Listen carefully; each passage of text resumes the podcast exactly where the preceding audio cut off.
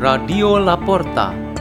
The door is open for you for the growing of knowledge and wisdom of God.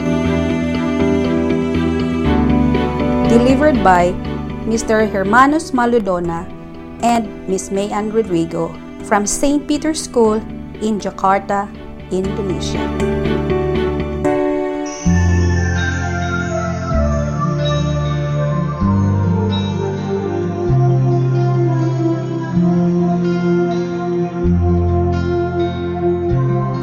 Reading and meditation on the Word of God, Saturday of the third week of Lent, from March 13, 2021.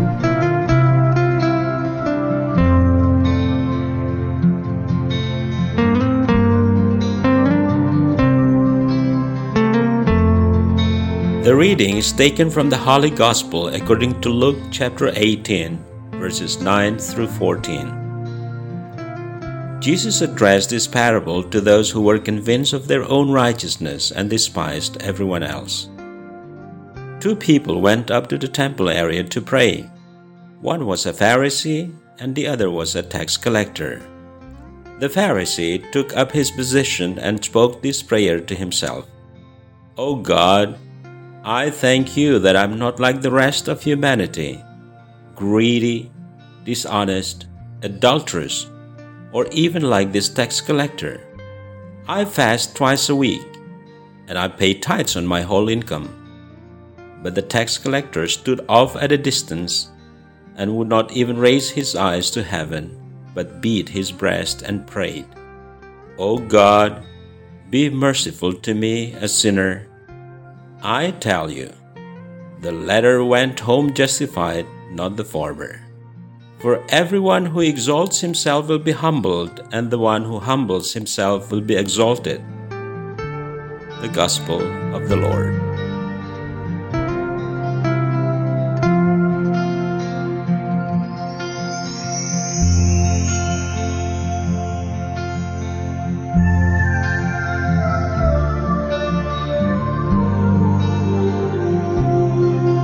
Our meditation today has the theme God loves humble people.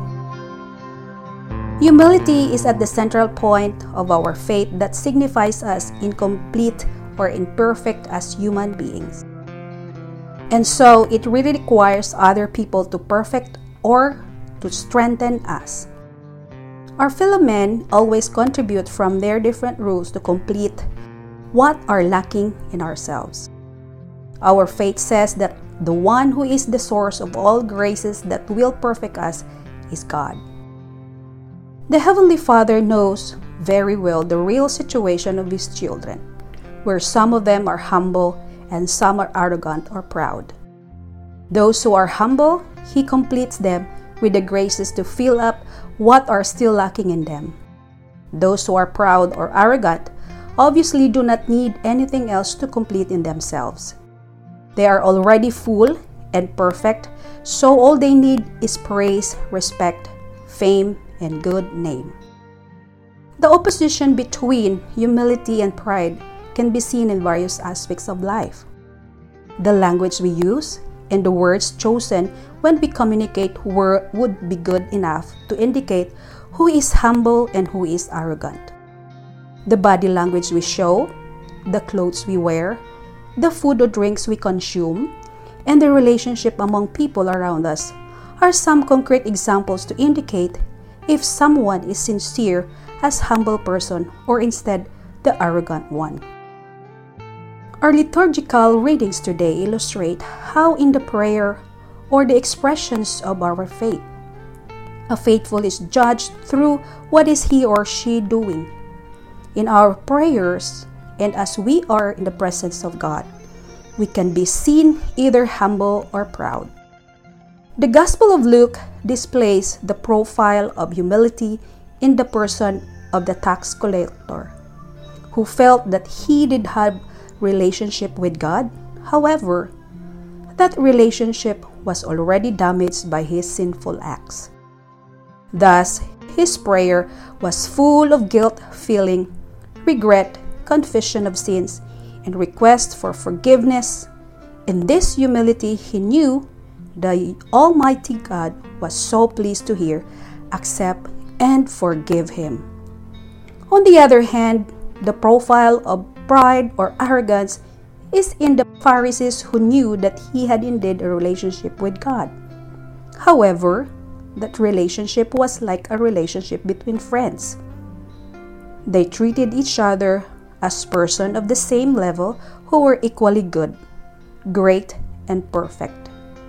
Like the peers usually do, that Pharisees revealed all his qualities with the intention to be praised and respected by God, whom he considered the same level as he. Jesus said that this kind of pride clearly did not deserve God's love and mercy. The key to become humble is as what the prophet Hosea says in our reading today. Our prayers and offerings must be our genuine love for God and not to show off our qualities before God. Let us pray. In the name of the Father, and of the Son, and of the Holy Spirit. Amen. Almighty God, make us humble in our words and actions every day, that we may become your instruments of salvation. Hail Mary, full of grace, the Lord is with thee. Blessed art thou amongst women, and blessed is the fruit of thy womb, Jesus. Holy Mary, Mother of God, pray for us sinners, now and at the hour of our death. Amen. In the name of the Father, and of the Son, and of the Holy Spirit. Amen. Radio La Porta. The door is open for you.